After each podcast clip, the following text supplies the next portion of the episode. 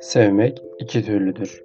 Birisi hayata karşı duyulan istek ve hevesin belki en büyük ifadesi. Diğeri ise korku ifadesidir. Bence ilki bütünüyle hayran olunacak bir durum. İkincisi ise olsa olsa bir avuntudur.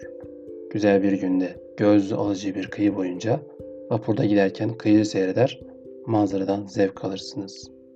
Bu dışarıya bakmakla alınmış bir zevktir ve herhangi büyük bir gereksinimimizle ilgisi yoktur.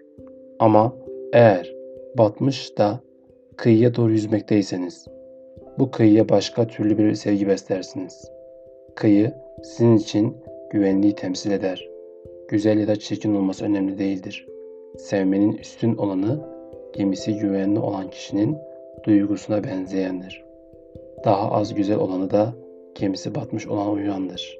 Bu iki türlü sevginin birincisini kişi ancak güvendeyken ya da en azından kendisini kuşatan tehlikeleri aldırış etmiyorsa duyabilir. İkincisi ise tam tersine güvenli olmayan bir durumda bulunmaktan ileri gelir. Güvenli olmayan durumun doğurduğu sevgi diğerinden çok daha öznel ve bencildir. Çünkü sevilen nitelikleri için değil, işe yaradığı için değerli görülmektedir. Böyle bir sevginin hayatta hiçbir yeri yoktur demek istemiyorum.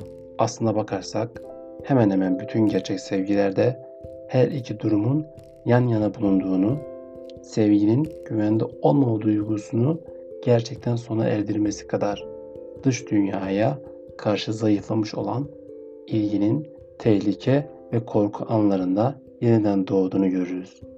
Yalnız böyle bir sevginin hayatta rolü olabileceğini kabul etmekle birlikte diğerinin daha az güzel olduğunu da aklımızdan çıkarmamalıyız. Çünkü bu sevgi korkudan doğmaktadır. Korku ise kötüdür. Ve çünkü sevginin böylesi bencil bir sevgidir. En iyi sevgi insanın eski mutsuzluklarından kaçmak için değil de yeni mutluluklara kavuşmak umuduyla beslediği sevgidir. Sevginin en iyisi her iki tarafa da hayat verir. Her iki taraf da sevilmekten haz duyar ve kendini zorlamadan sever. Bu karşılıklı mutluluğun sonucu olarak iki tarafta dünyayı daha bir ilgiye değer bulur. Gel gelelim oldukça yaygın bir başka sevgi daha vardır ki bunda biri diğerinin bütün canlılığını emer. Onun verebileceği her şeyi sömürür. Karşılık olarak ise hemen hemen hiçbir şey vermez. Bazı büyük adamlar bu kan emici türdendir. Ard arda kurban ettiklerinden hayat alırlar ve kendileri semirip daha ilgi çekici bir duruma geldikleri halde sömürdükleri gittikçe solar, silinir, durgunlaşır. Böyleleri başkalarını kendi amaçları için bir basamak olarak kullanırlar.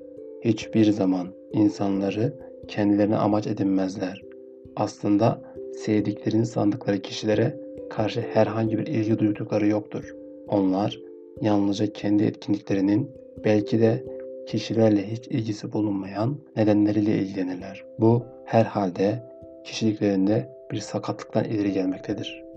Büyük isteklerin çoğunda görülen bir belirtidir ve bence insan mutluluğunun nedenlerini tek taraflı, bencil bir açıdan görmeye dayanır.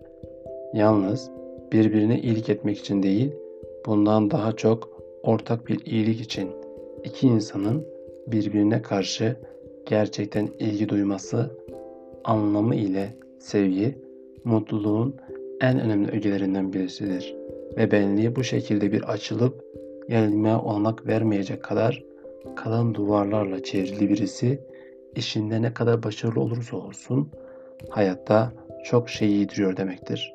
Sevgi taşımayan bir büyük istek genel olarak ya gençlikte başa gelmiş bir talihsizlik ya daha sonraki yıllarda uğranılmış bir haksızlık ya da işkence korkusunu doğuran nedenlerden biri yüzünden insanlığa karşı duyulan bir çeşit öfke ya da nefretten ileri gelir. Fazla güçlü bir benlik kişiyi bağlayan bir zincirdir. Eğer dünyadan tam olarak zevk almak istiyorsa kişi bu zincirlerden kurtulmak zorundadır. Gerçekten sevebilme yeteneği ise kişinin bu zincirden kurtulmuş olduğunu gösteren belirtilerden biridir.